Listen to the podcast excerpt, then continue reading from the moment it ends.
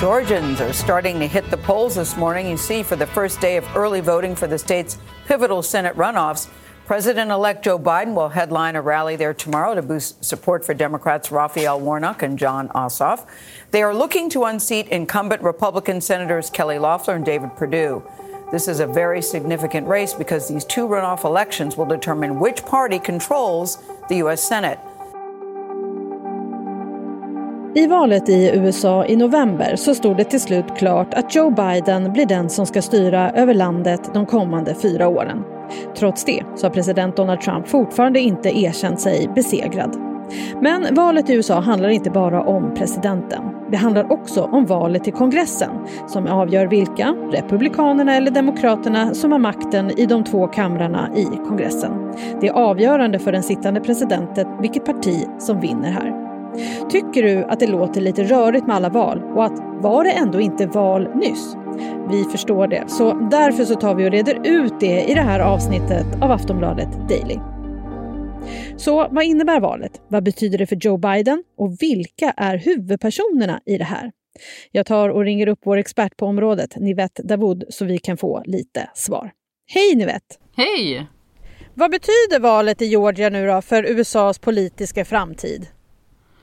Ja, det handlar ju om två stycken senatsval och de här två valen kommer att avgöra om Republikanerna fortfarande har makten över senaten, som alltså är den ena kammaren i kongressen, eller om eh, Demokraterna får majoritet. Och det är därför som det är så så stort. Det kommer att avgöra vilket utrymme Joe Biden får som president. För om det är så att Demokraterna får majoritet i senaten så får de alltså majoritet i hela kongressen. De har ju redan majoritet i den andra kammaren som heter representanthuset. Eh, så om eh, Demokraterna eh, vinner majoritet i Eh, i senaten, alltså vinner det här valet som är i Georgia, då kommer det liksom att bli 50-50 och då är det ju vicepresidenten Kamala Harris eh, som har utslagsröst och hon är ju demokrat också. Eh, så att eh, det blir eh, större möjlighet då för presidenten och för vicepresidenten förstås att eh, driva igenom sin agenda och det är därför eh, det här valet är så stort och så viktigt. Men var det inte så att det var val till alla ställen nyss? Varför kör de igen? Jo men det stämmer ju. Eh, Georgia hade ju val precis som resten av landet den 3 november. Eh, eller stora delar av landet hade i alla fall det. Ehm, men eh, ingen kandidat i det senatsvalet fick mer än 50 procent och då säger delstatsreglerna att det blir en andra valomgång. Och det är ju också lite speciellt för att båda två senatsplatserna för Georgia står på spel. Och det beror på att det har varit eh, fyllnadsval till den ena platsen i i eh, januari eh, i år. Eh, så, så därför då så blir det, är det två platser. Och båda de platserna hålls ju i dagsläget av två republikaner och utmanas förstås då av två demokrater. Och vilka är då de här kandidaterna och vad vill de?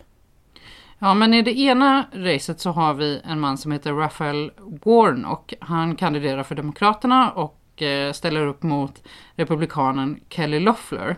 Eh, och Warnock han är svart, han är pastor i Ebenezer Baptist Church och det är samma kyrka som Martin Luther King predikade i. Eh, och han eh, riktar sig till eh, minoriteter och fattiga och han lockar eh, då progressiva demokrater. Han pratar ofta om att han växte upp fattigt med, med många syskon och att eh, man bodde i ett område där, man, där många behöver gå på bostadsbidrag. Och han har liksom sett som en politisk eh, person redan innan han ställde upp i det här valet och han har till exempel blivit gripen eller frihetsberövad vid olika demonstrationer och, och sagt öppet att han stöttar Black Lives Matter. Eh, och sen så Kelly Loeffler då, hon är ju väldigt eh, trogen Donald Trump. Eh, hon har till exempel inte erkänt Joe Biden som eh, vald president. Och det är hon då som har suttit på den här fyllnadsplatsen eh, för den tidigare senatorn Johnny Isaacson. Han slutade av, eh, på grund av hälsoskäl och det är därför som hon ställer upp i det här valet nu. Eh, hon eh, är en av de rikaste av alla kongressledamöter i USA. Hennes man eh, äger ett stort finansbolag och hon har varit VD eh, för ett underföretag där.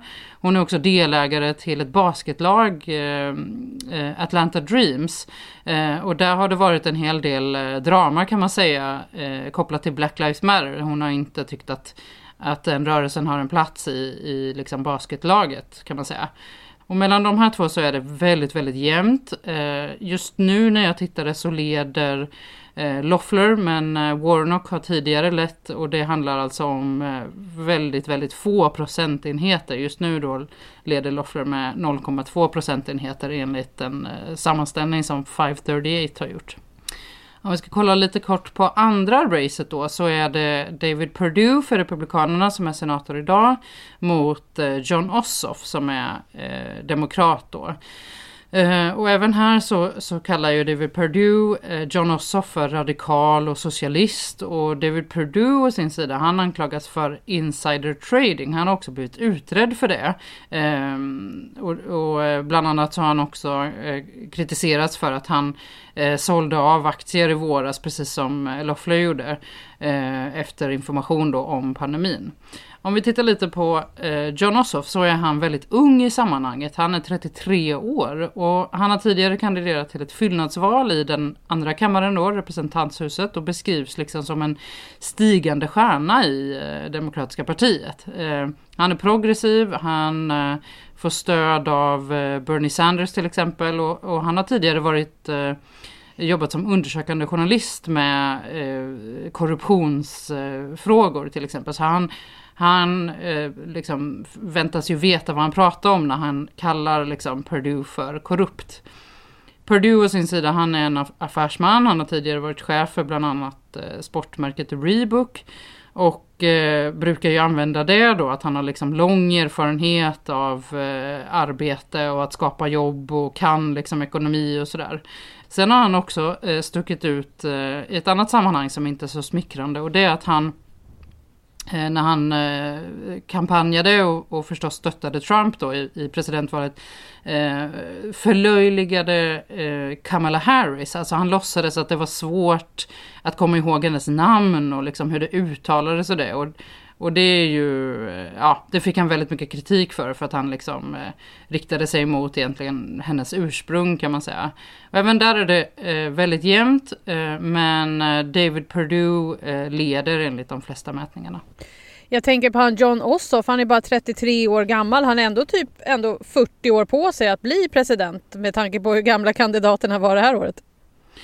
Ja, men precis. Eh, och han är ju som, som jag sa, i det här sammanhanget så är han eh, ung. För att eh, politiker är ju ofta äldre i USA. Men han börjar nog med, med det lokala så att säga, eller senatsval i alla fall. Men han, han tycks ju ha någon, någon strävan i alla fall om att gå framåt i politiken. Så ni vet vilka är de stora frågorna? Ja men det finns ju verkligen sakfrågor eh, i liksom delstaten Georgia eh, som vi har sett på andra håll också. Till exempel då som jag sa det här med Eh, polisen och eventuella reformer där, Black Lives Matter, abortfrågan har också seglat upp som, eh, som en fråga där kandidaterna tycker väldigt olika. Men eftersom det här valet eh, har liksom blivit som eh, det stora presidentvalet fast liksom nerkokat till senaten eftersom det kommer påverka så mycket Eh, nationellt så är det ju egentligen två frågor kan man säga som är viktigast och det, här, det är ju förstås valdeltagandet. Det pratade vi ju mycket om inför eh, det amerikanska presidentvalet. Ehm, att eh, det är ju egentligen inte, eller vanligtvis inte så högt valdeltagandet i USA. Ehm, så att det handlar väldigt mycket om att få eh, väljare att gå ut och rösta. Eh, framförallt för Demokraterna därför att många av dem som vi brukar kalla för hemmasittare är oftast de som eh, brukar rösta på Demokraterna. Men sen så handlar det förstås om, om den politiska riktningen för USA i sin helhet. Ehm, och det som är speciellt med Georgia är ju att det demokratiska partiet och eh, ett par stycken eh, personer inom partiet har fått väldigt många att gå och rösta. Eh, Georgia sticker ju ut bland sydstaterna med att man har en stor afroamerikansk befolkning och det är just, eller bland annat den gruppen svarta kvinnor som, som gick och röstade Eh, rejält den här gången. Eh, och det var ju eh, troligtvis mycket därför som Georgia faktiskt gick till Demokraterna för en gångs skull. Det var första gången på 28 år som, som partiet, eller som delstaten gick åt det hållet. Men det finns också andra minoritetsgrupper som latinos och som asiatamerikaner och så förstås unga som troligen kommer att avgöra det här valet. Så hur brukar det traditionellt gå i Georgia? Ja men det är det här som är så himla spännande för att Georgia har ju liksom inte varit en vågmästardelstat på väldigt, väldigt, väldigt många år. Alltså man har sett Georgia som en republikansk delstat mer eller mindre. Det är första gången som man röstade på Demokraterna på 28 år som sagt. Ehm, men nu gick det ju då till Bidens eh, favör och det är ju det som Demokraterna också hoppas ska ske eh, även i det här senatsvalet. Så det läggs ju jättemycket energi och pengar på det och Joe Biden har ju varit där och kampanjat sitt första kampanjmöte efter presidentvalet. Och Eh, det, det, kan mycket väl bli så. Vi, jag sa ju det, det är jätte, jättejämnt att, att Georgia fortsätter att rösta demokratiskt. Och, och när det väl sker en sån vändning, eh, då brukar den liksom eh, bli kvar. Eh, och väldigt mycket tros ju då bero på både unga men också den eh, stora afroamerikanska befolkningen. Så vad spelar Trump och Biden för roller i det här valet? Vi kan börja med Biden för att det är liksom lite enklare. Det är ju jätteviktigt för honom och för Demokraterna eh, att det här går åt deras håll. Eh, som sagt, vi har ju pratat om det att eh, då får ju liksom Joe Biden mycket enklare att, att styra landet och vi vet att det demokratiska partiet verkligen gasar på och, och håller, lägger mycket pengar Eh, och, och, ha flera möten som så gott man kan då med tanke på att det är pandemi också. Eh, men om vi tittar på Donald Trumps roll så är det liksom lite knepigare därför att han har ju varit väldigt aktiv vad gäller att liksom klanka ner på valsystemet i Georgia just. Eh, han har liksom krävt valansvarigas avgång för Eh, det som han menar då är ett riggat valsystem i Georgia och jag nämnde ju det förut, det har ju också de eh, republikanska senatorerna eh, sagt att de borde avgå. Det här är alltså människor inom det egna partiet som man, vars avgång man kräver. Så att, frågan är liksom Eh, om Donald Trump eh, hjälper eller skälper de republikanska kollegorna när han säger att, att folk ska gå och rösta i det som han precis har kallat för ett riggat valsystem. Och, och det återstår lite att se. Det, det kan ju också vara så att de republikanska väljarna som faktiskt gick och röstade på Biden i Georgia, eh, att de ändå nu röstar republikanskt vad gäller senatsvalet. För att det kan ju ha varit så att de bara inte ville rösta på Donald Trump. Och att nu när Trump är liksom bortvald så eh, kanske de ändå vill att det ska vara republikansk majoritet i senaten. Så att, eh, det, det kommer ju bli jätteintressant att, att se hur det blir. Så vad kommer avgöra? Ja men eh, jag tror att det är då en kombination av de sakerna som jag har nämnt tidigare. Alltså valdeltagandet förstås. Eh, förtidsröstandet har ju börjat. Det är ju eh, pandemi och det ser verkligen inte bra ut i USA, pandemiläget. Så det kan säkert spela in om många förtidsröstar eller inte till exempel. Sen också hur partitrogen man är, om man är liksom republikan Eh, till, i grunden liksom och om det bara var så att man kanske inte ville ha Donald Trump just. Eh, men också som sagt de unga och eh, minoritetsrösterna kommer avgöra. Och vad tror du själv om vem eller vilka som vinner? Ja, men jag vågar nästan inte säga det därför att mätningarna är så extremt jämna och de är också lite, lite svårare att lita på eftersom eh, dels är det ganska små underlag och dels så är det inte riktigt samma typ av mätningar eh, som vi pratade om inför presidentvalet och även då sa vi ju att det var lite osäkert med tanke på hur förra presidentvalet när det var så, eh, när man spådde att Clinton skulle vinna och sen så blev det Donald Trump. Så det är jättesvårt att säga men vi kommer däremot att få veta det ganska kort efter valet den 5 januari så vi kommer ju få veta det innan dess att eh, Joe Biden svärs in som president den 20 januari. Tack Nivette! Tack!